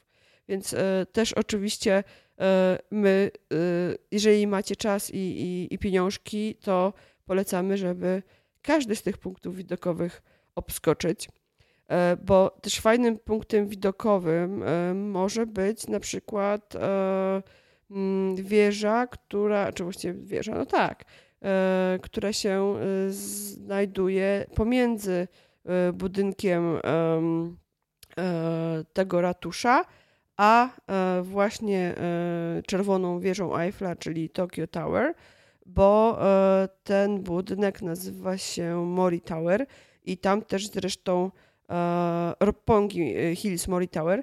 I tam też zresztą, e, jeżeli się pojawiają jakieś ciekawe wystawy, to można zrobić taki myk i to też jest taka podpowiedź budżetowa, że zamiast płacić pieniążki, a tam już troszeczkę się płaci za sam wjazd na, na poziom widokowy, który jest atrakcyjny głównie dlatego, że jest na otwartym, otwartym dachu bo e, zarówno e, jeżeli chodzi o Tokyo Tower, jak i ten budynek e, ratusza, to tam oglądamy wszystko przez szybę. Natomiast gdybyście chcieli zobaczyć na, goło, na gołym okiem, nie, gołym okiem poczuć klimat, wiatr we włosach, to właśnie polecamy Roppongi Hills Mori Tower, gdzie wjazd jest troszeczkę kosztowny, ale możecie właśnie zrobić taki myk, że kupić bilet na wystawę i wtedy e, oblecieć wystawę. Na przykład e, byliśmy na fantastycznej wystawie, bo to była wystawa e, rocznicowa studia Ghibli i naprawdę było fantastycznie. I wtedy jakby w bilecie macie też wliczony wjazd na, na dach tego budynku, gdzie znajduje się też lądowisko helikoptera i stamtąd też można fantastyczne widoki sobie pooglądać, czyli kolejna kolej, kolejny punkt widokowy. Roppongi Hills Mori Tower 238 e, metrów, e, Tokyo Tower 333 metry i Tokyo Skytree 634 metry. Trochę boli głowa od tych, od tych metrów, słuchajcie, ale e, naprawdę będąc w tym fantastycznym, nowoczesnym mieście, warto obejrzeć je z góry. E, no chyba, że ktoś przelatuje na lotnisko Hanede, to ma dodatkowo taki przelot nad miastem, ale wiadomo, że no nad tymi częściami najbardziej takimi spektakularnymi, no samolot niestety nie przelatuje, bo on tam jednak kołuje trochę e, nad wodą i ląduje, ale też to też jest fajne przeżycie.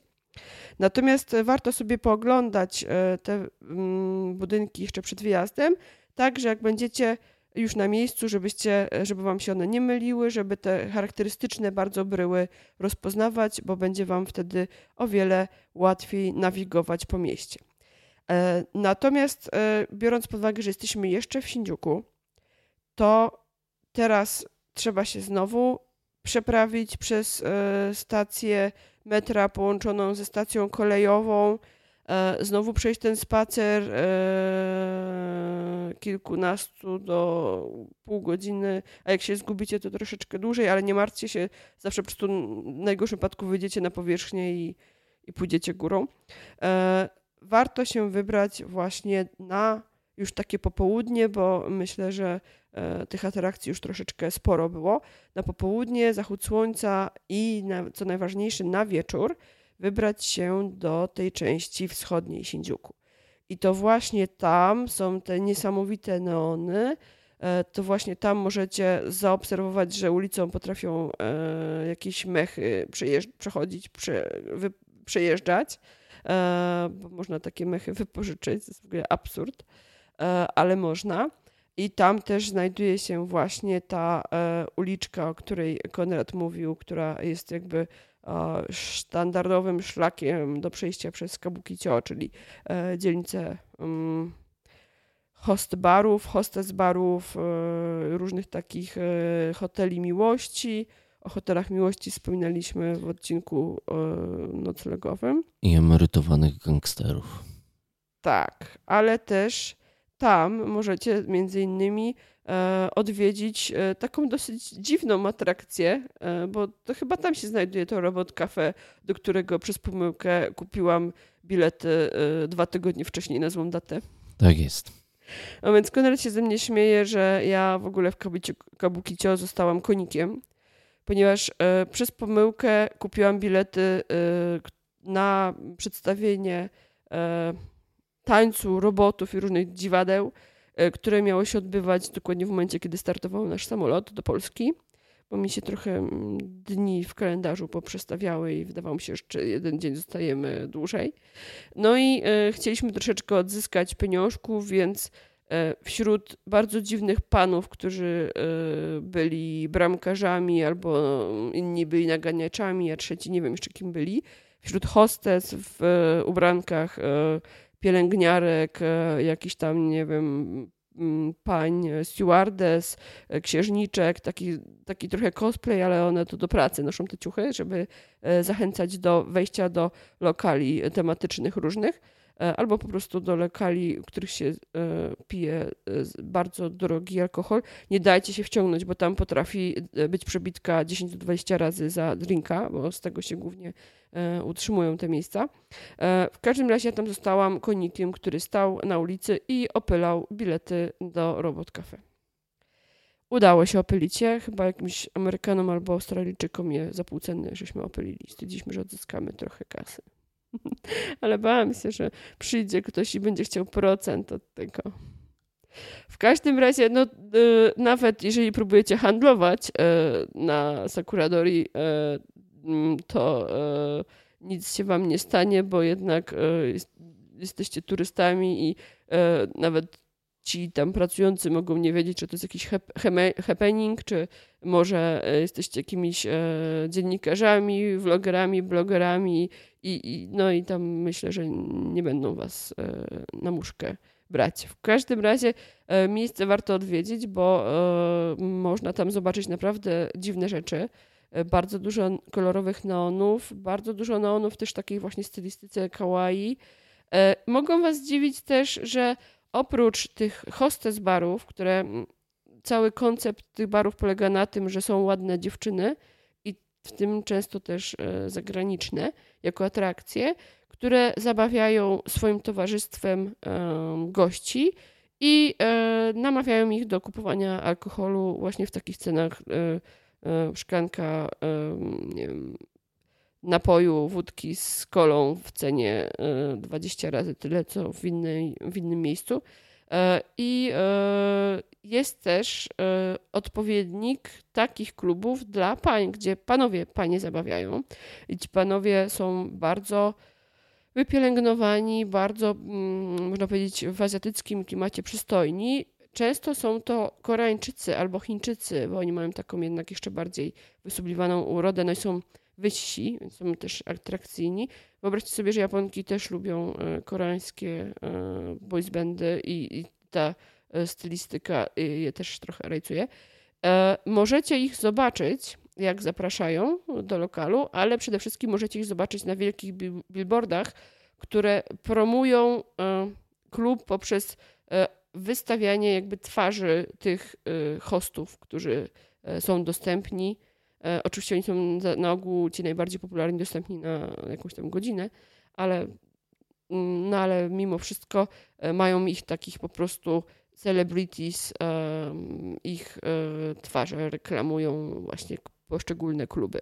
I ja pamiętam, że mnie to bardzo zaskoczyło, że, że bardziej reklamowane są właśnie te bary, nie, nie z hostessami, nie z uroczymi dziewczynami, tylko z uroczymi panami. Więc jest to też taki dziwny trochę aspekt tej kultury, e, z którym można się e, właśnie w Kabukicho i w Shinjuku zapoznać. No i też w e, Shinjuku możecie wypatrywać tych słynnych hoteli miłości. Jeżeli będzie budynek z pozasłanianymi oknami na czarno, z ciekawym wejściem, często to wejście jest w jakimś klimacie, zamek albo na przykład jakiś zaczarowany las, czy coś w tym stylu, e, też jak gdzieś jakaś godzilla się pojawia, to e, można właśnie domyślić się, że jest to tematyczny hotel miłości na godziny. Czasem tam są też e, garaże podziemne, wjazdy do garaży, bo jest taka tradycja, że właśnie się wjeżdża do takiego hotelu, żeby nikt z ulicy nie zobaczył, kto tam będzie korzystał.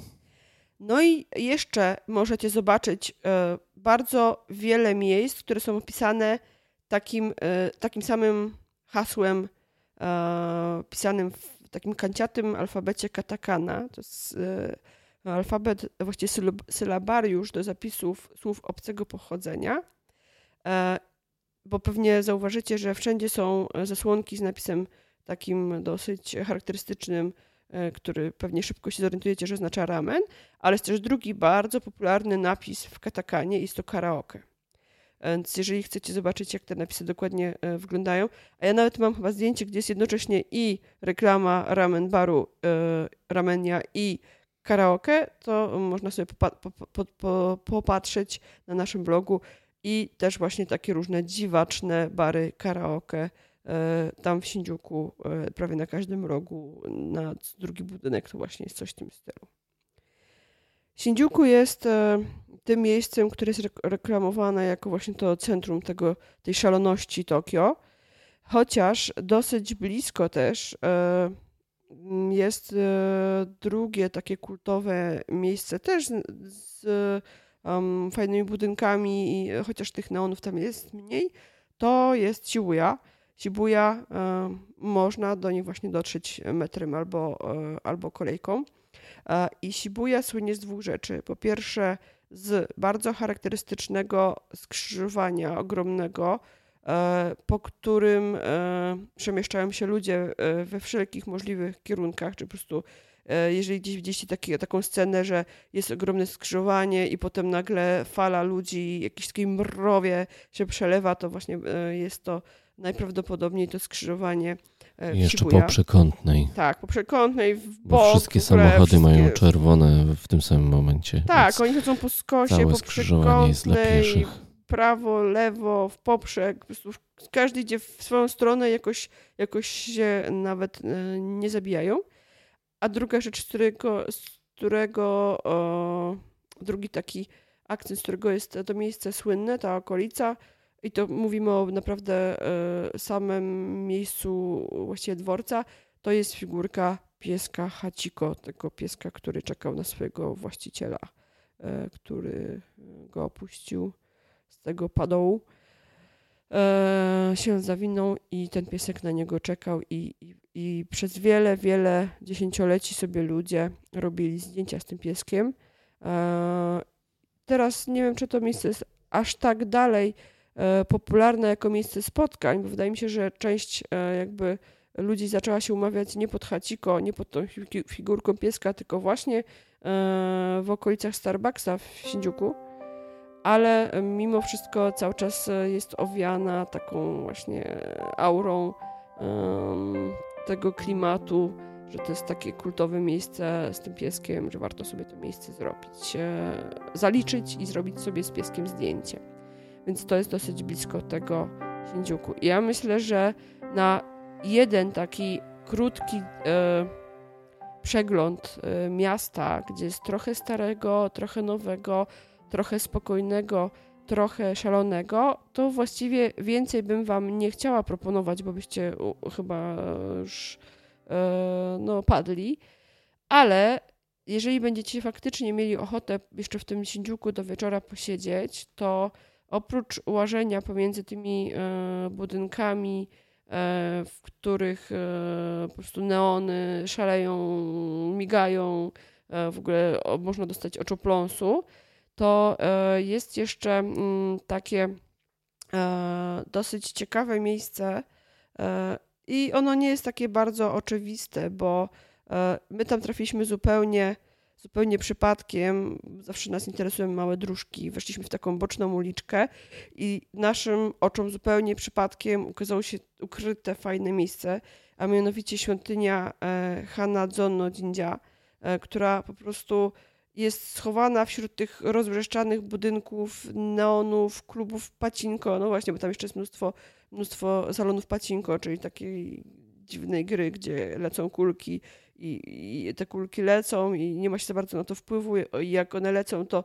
e, to się nabija punkty, można wygrać więcej kulek. E, potem można te kulki teoretycznie wymienić nielegalnie za rogiem na fanty, ale to już tam też taka trochę szara strefa. Więc wśród tego całego wariactwa e, jest ukryta malusieńka świątynia Hanazono Jinja i po prostu przez malutkie przejście, króciutki taki chodniczek wśród zieleni, e, przechodzi się i nagle się znajduje w super cichym miejscu i pięknie e, podświetlona e, malusieńka czerwona świątynia z króciusieńkim korytarzem e, Tori e, tam się znajduje, więc to też jest taki, może, można powiedzieć, że e, taki bonus, w którym można przycupnąć i odpocząć od tego zgiełku szalonego Sindziuku.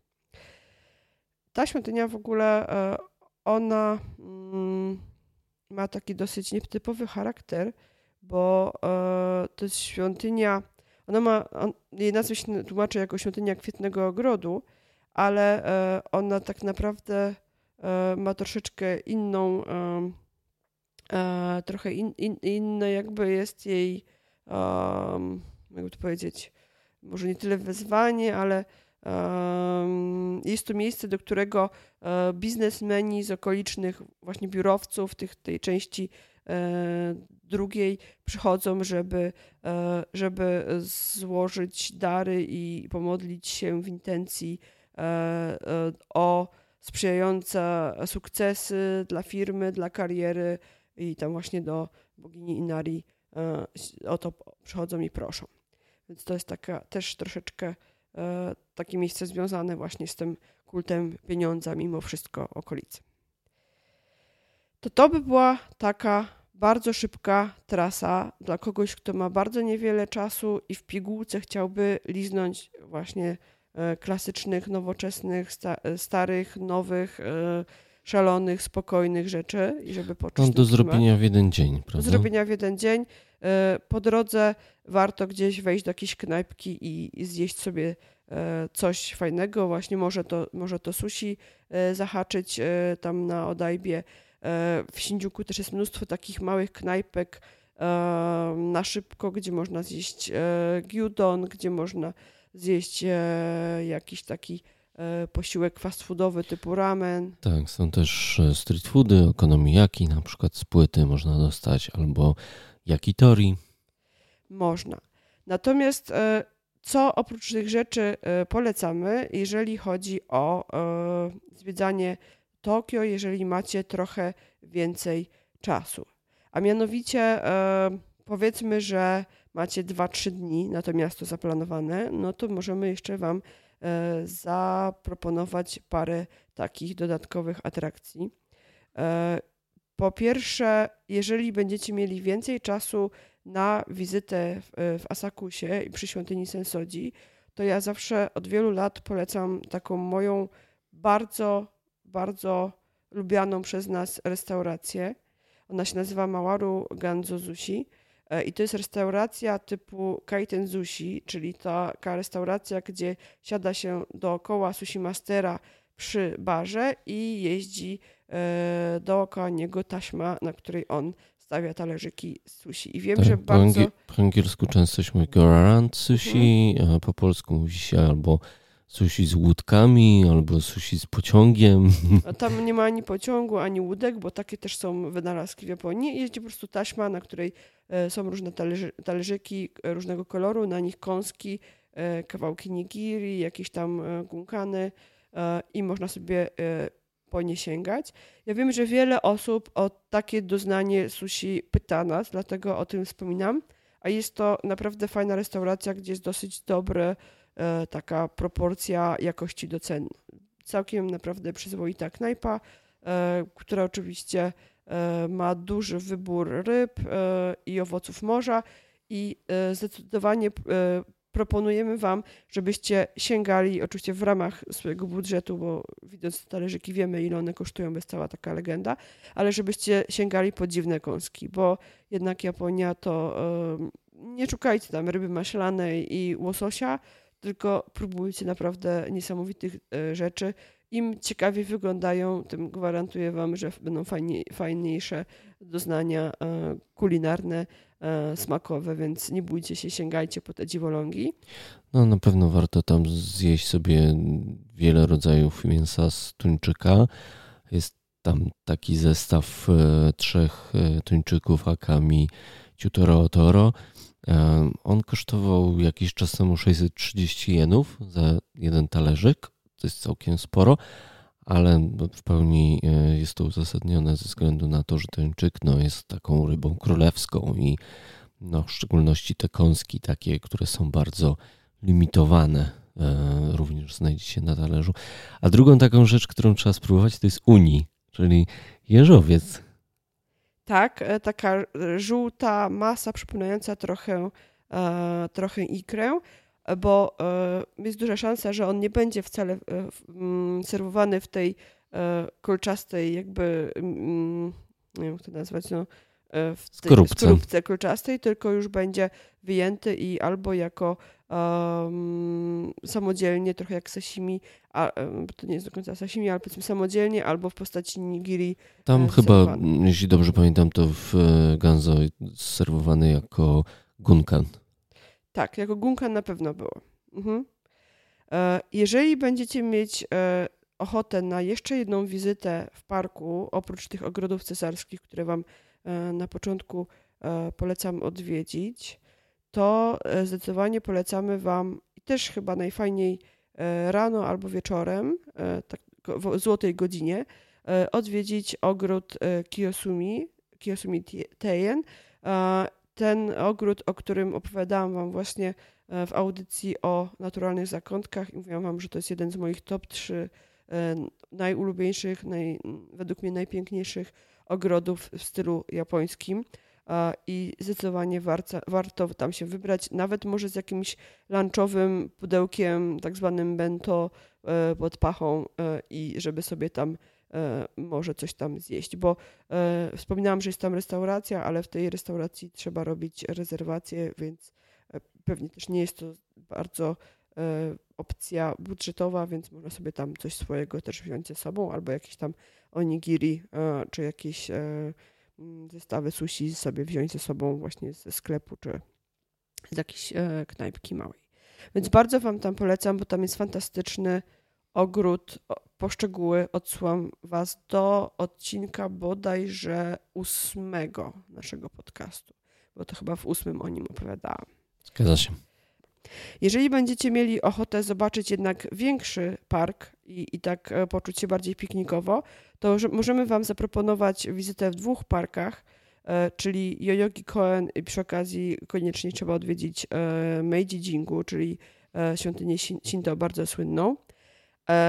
A dla osób, które uwielbiają geekowe klimaty, lolity, jakichś różnych freaków chcieliby zobaczyć, to przy okazji można zobaczyć kawałek Harajuku. Zwłaszcza polecamy Wam spacer przez uliczkę Takeshita Dori, e, gdzie są e, sklepy z różną taką alternatywną odzieżą i e, też mnóstwo właśnie takich osób e, alternatywnych można zobaczyć. To jest ta największa uliczka na Harajuku i możecie ją zobaczyć też na okładce naszego pierwszego odcinka. E, A jeżeli chcielibyście troszeczkę bardziej wypielęgnowaną przyrodę zobaczyć, i to też jest bardzo dobre miejsce do obserwacji kwitnienia sakur, to polecamy Wam koniecznie wizytę e, ponownie w Shinjuku, ale już za dnia e, w parku Shinjuku Gyoen. I tam też e, można naprawdę zobaczyć fantastyczne kwitnące drzewa, ale o innych porach roku też warto tam zajrzeć. Można też zajrzeć tam do ogrodu, e, malutkiego ogrodu takiego botanicznego, e, ale o tym też e, więcej opowiadaliśmy w tym odcinku o naturalnych zakątkach. Czyli Sindziuku można oglądać na różne sposoby i różnych rzeczy tam poszukiwać. Kiedyś też oczywiście wszystkich namawialiśmy do wizyty na targu Tsukiji i polecaliśmy Wam wstanie bardzo, bardzo wcześnie rano i skorzystanie z tego, że jesteście na jetlagu i żeby po prostu wybrać tam jak najszybciej po przelocie, bo namawialiśmy Was do tego, żeby wybrać się na obserwację aukcji tuńczyków w Tsukiji i e, chociaż e, właśnie ta część e, sprzedażowa została przeniesiona do Toyosu na Odajbę, mimo wszystko polecamy Wam wybrać się do um, miejsca, które można kiedyś było nazywane targowiskiem zewnętrznym, e, które otaczało tą oficjalną e, część targu Tsukiji Shijo.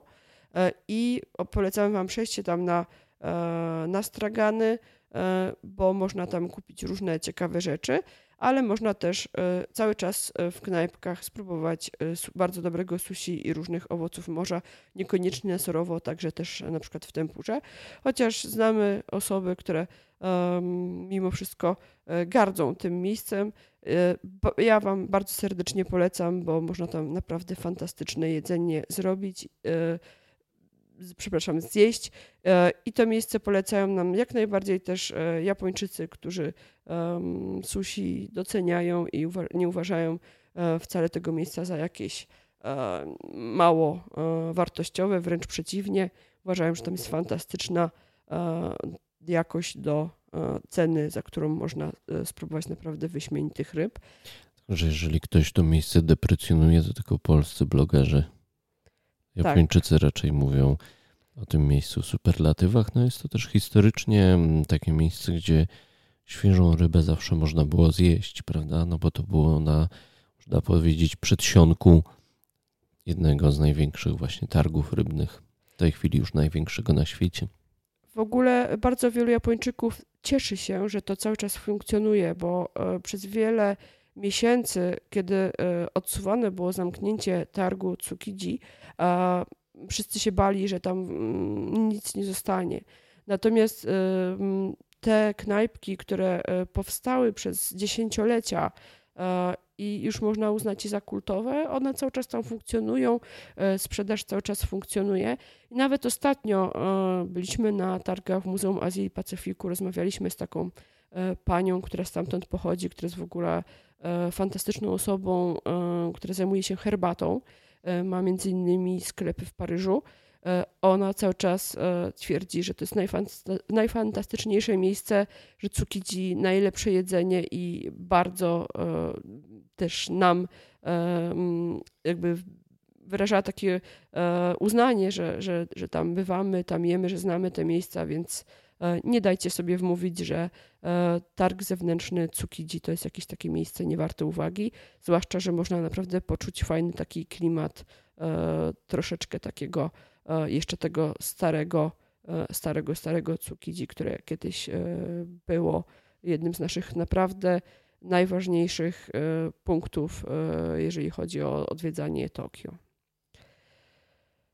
Gdyby jednak ktoś potrzebował bardziej E, takiego friko, frikowatego miejsca, e, żeby poczuć ten klimat tej zwariowanej Japonii, e, którą kojarzy przede wszystkim z serialów anime i różnych takich dziwnych rzeczy jak wokaloidy typu Hatsune Miku, to polecamy Wam przejechać się na takie dosyć peryferia miasta, bo e, trzeba tam jechać, to chyba nawet z przesiadkami, a mianowicie e, proponujemy Wam pojechać do Nakano. E, do Nakano, tak naprawdę do centrum Nakano Broadway. Jest to fantastyczne miejsce, gdzie na dole też jest kolejny targ z jedzeniem i, i cała masa knajpek. Jedliśmy tam jeden z fajniejszych ramenów i przepyszną giozę, ale kilka pięter i chyba nie skłamę, że to są trzy albo cztery, e, poświęcone są właśnie e, kulturze popularnej czy popkulturze japońskiej, e, ale takiej od dosyć starej, bo można tam kupić za zawrotne ceny figurki Godzilli sprzed kilkudziesięciu lat, jak i całą masę nowoczesnych gadżetów, które nawiązują do aktualnych trendów, jeżeli chodzi o anime i mangę. Stroje do przebrania cosplayowe, elementy tych strojów, kolekcjonerskie figurki wypuszczane w krótkich seriach i większych też, e, wszelkiego rodzaju e, akcesoria e, z motywami, całą masę gier wideo, w tym też między innymi stare gry na Game Boye, um, nie wiem, jakieś Yoshi i w ogóle cuda na Q.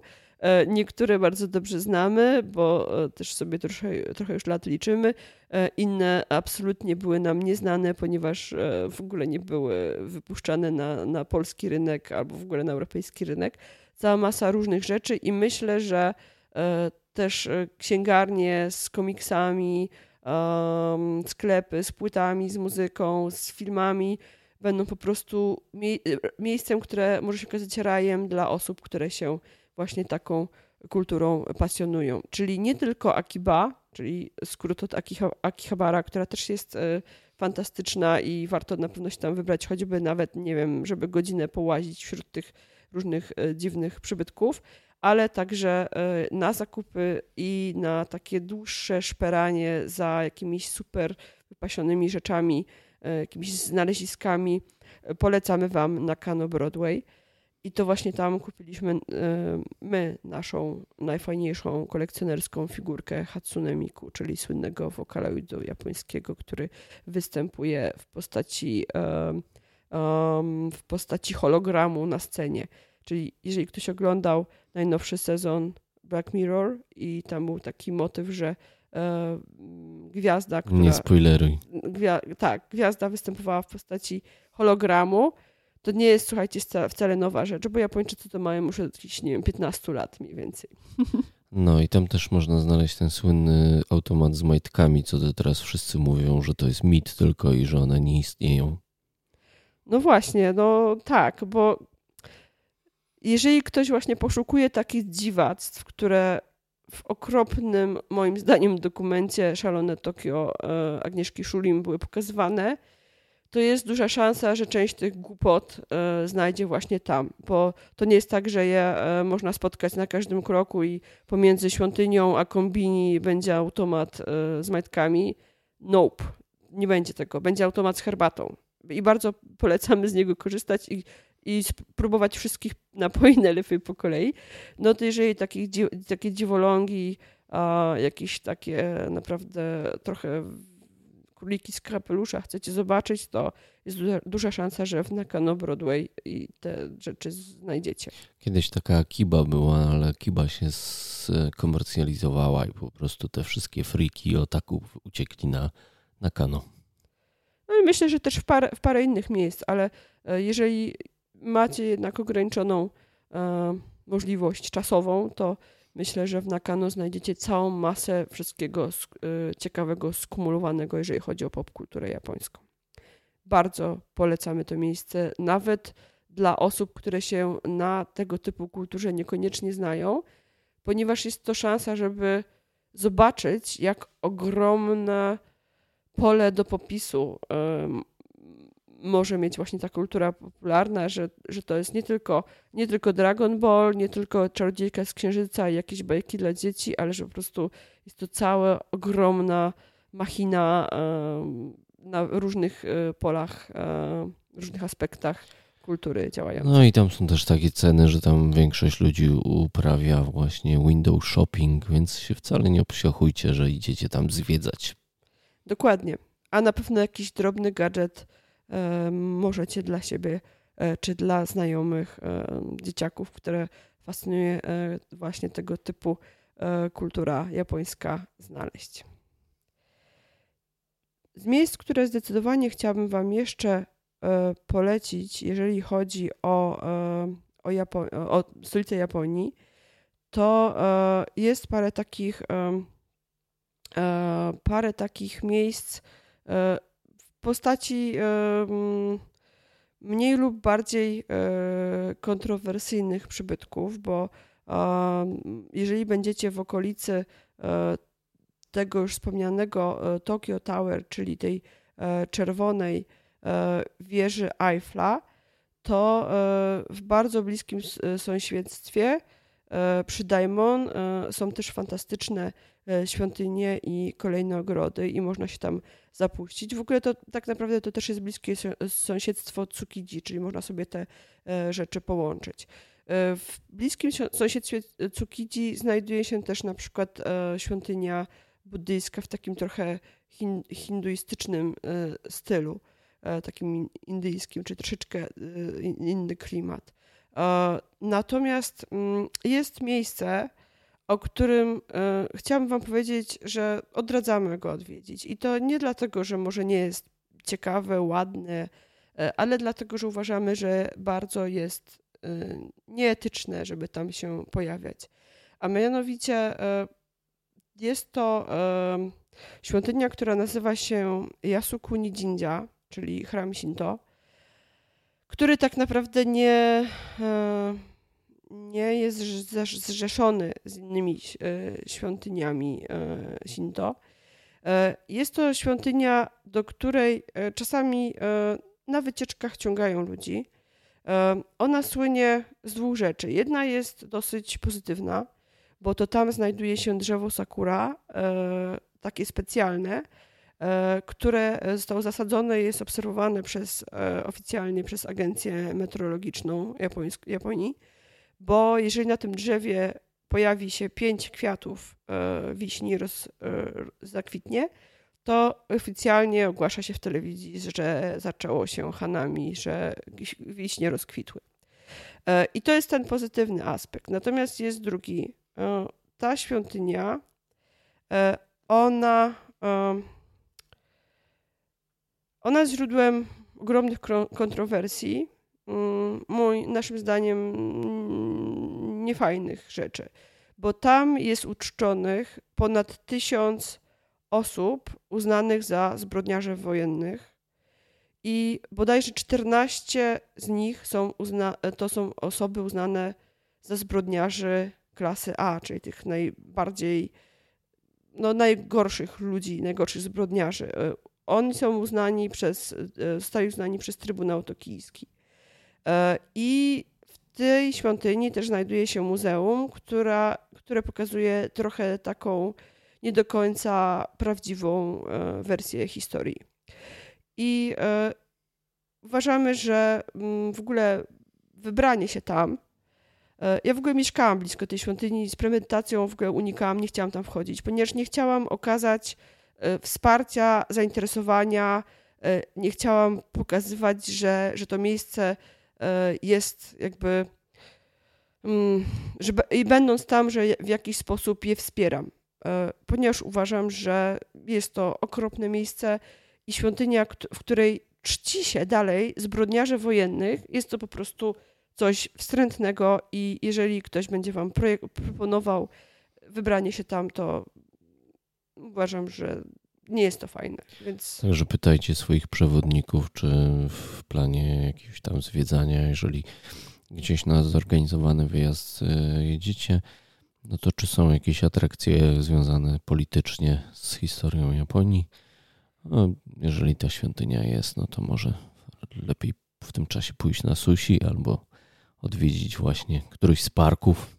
Zwłaszcza, że tak naprawdę ta świątynia jest praktycznie przez ulicę e, z ogrodami cesarskimi, które można zwiedzać godzinami, mają wiele wyjść, wiele drobnych jakichś takich zakątków, ogrodów, e, więc można po prostu tam zostać dłużej albo, tak jak Konrad mówi, pójść coś zjeść. Więc chciałam to zaznaczyć, że bardzo negatywnie odnosimy się do tego typu turystyki. Bądźmy turystami odpowiedzialnymi, nie, e, nie zabawiajmy się kosztem czegoś, co jest dosyć ważne i nie okazujmy wsparcia tego typu przybytkom. To może taki nie do końca optymistyczny akcent, ale czułam, że muszę to powiedzieć, bo widziałam parokrotnie ostatnio, że niektórzy ludzie w bardzo taki sposób e, lightowy odwiedzali to miejsce, podniecali się jakimiś modelami samolotów i tak dalej. Uważam, że jest to bardzo, bardzo niewłaściwe. To tak jak e, robić sobie trochę, nie wiem, jaja z, no z bardzo niefajnych zbrodni. No, słabe to jest. Więc mówimy nie.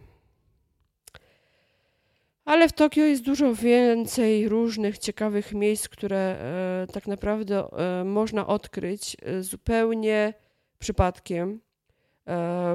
Jest uliczka, gdzie można kupić albo obejrzeć, a nawet zrobić modele jedzenia, bo przecież wszyscy wiemy, że te słynne są dosyć te polimerowe odpowiedniki jedzenia.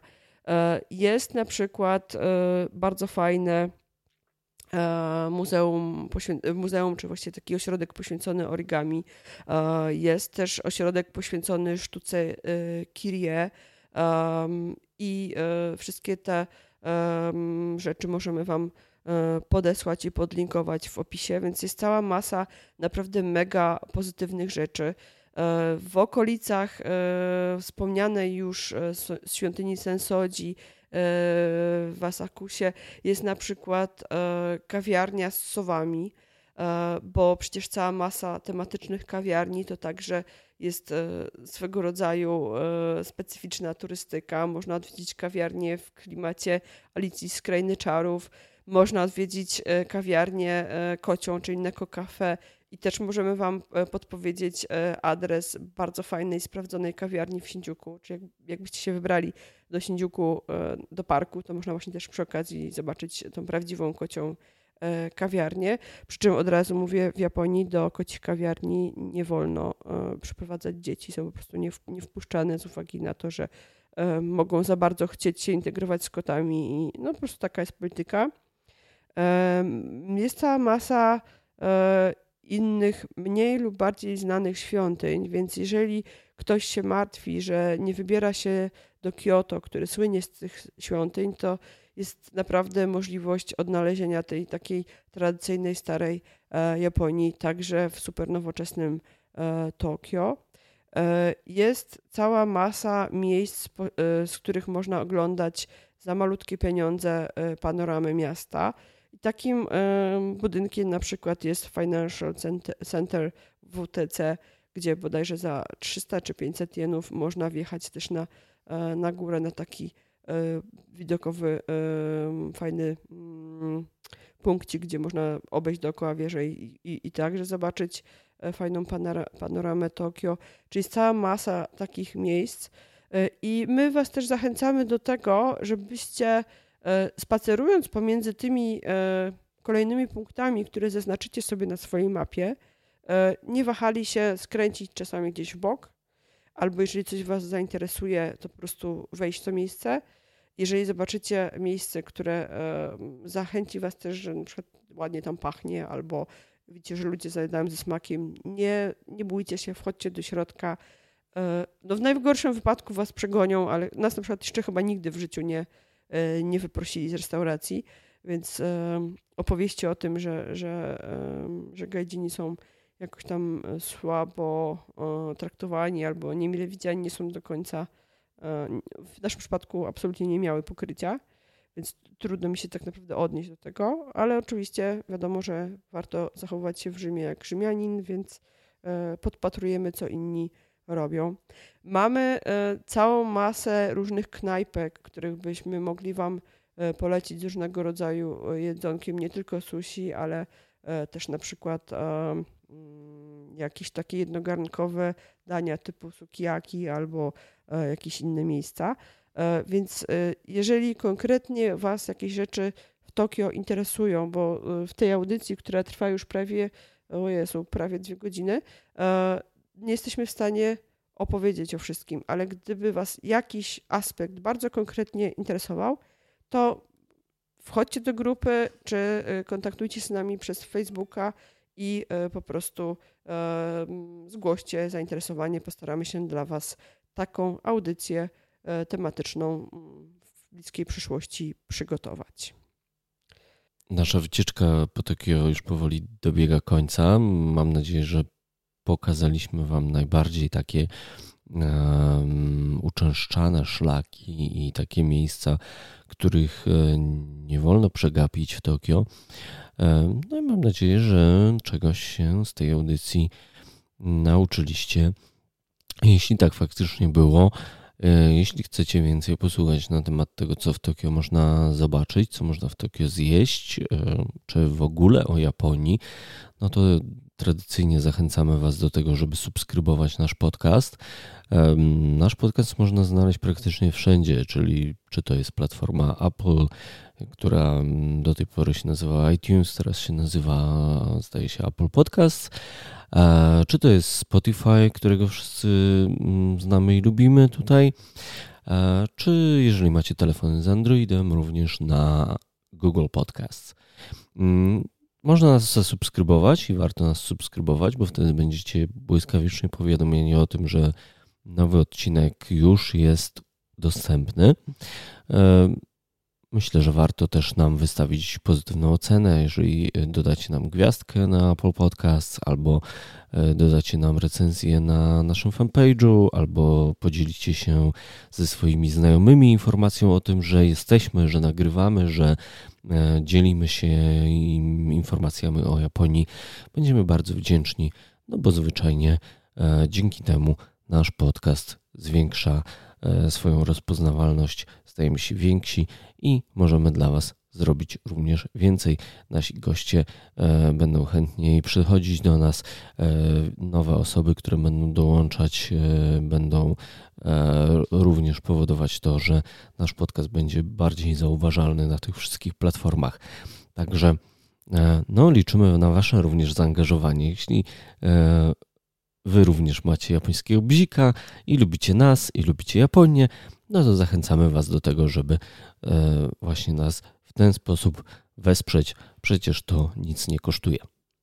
Bardzo chętnie też wysłuchamy Waszych rekomendacji odnośnie gości.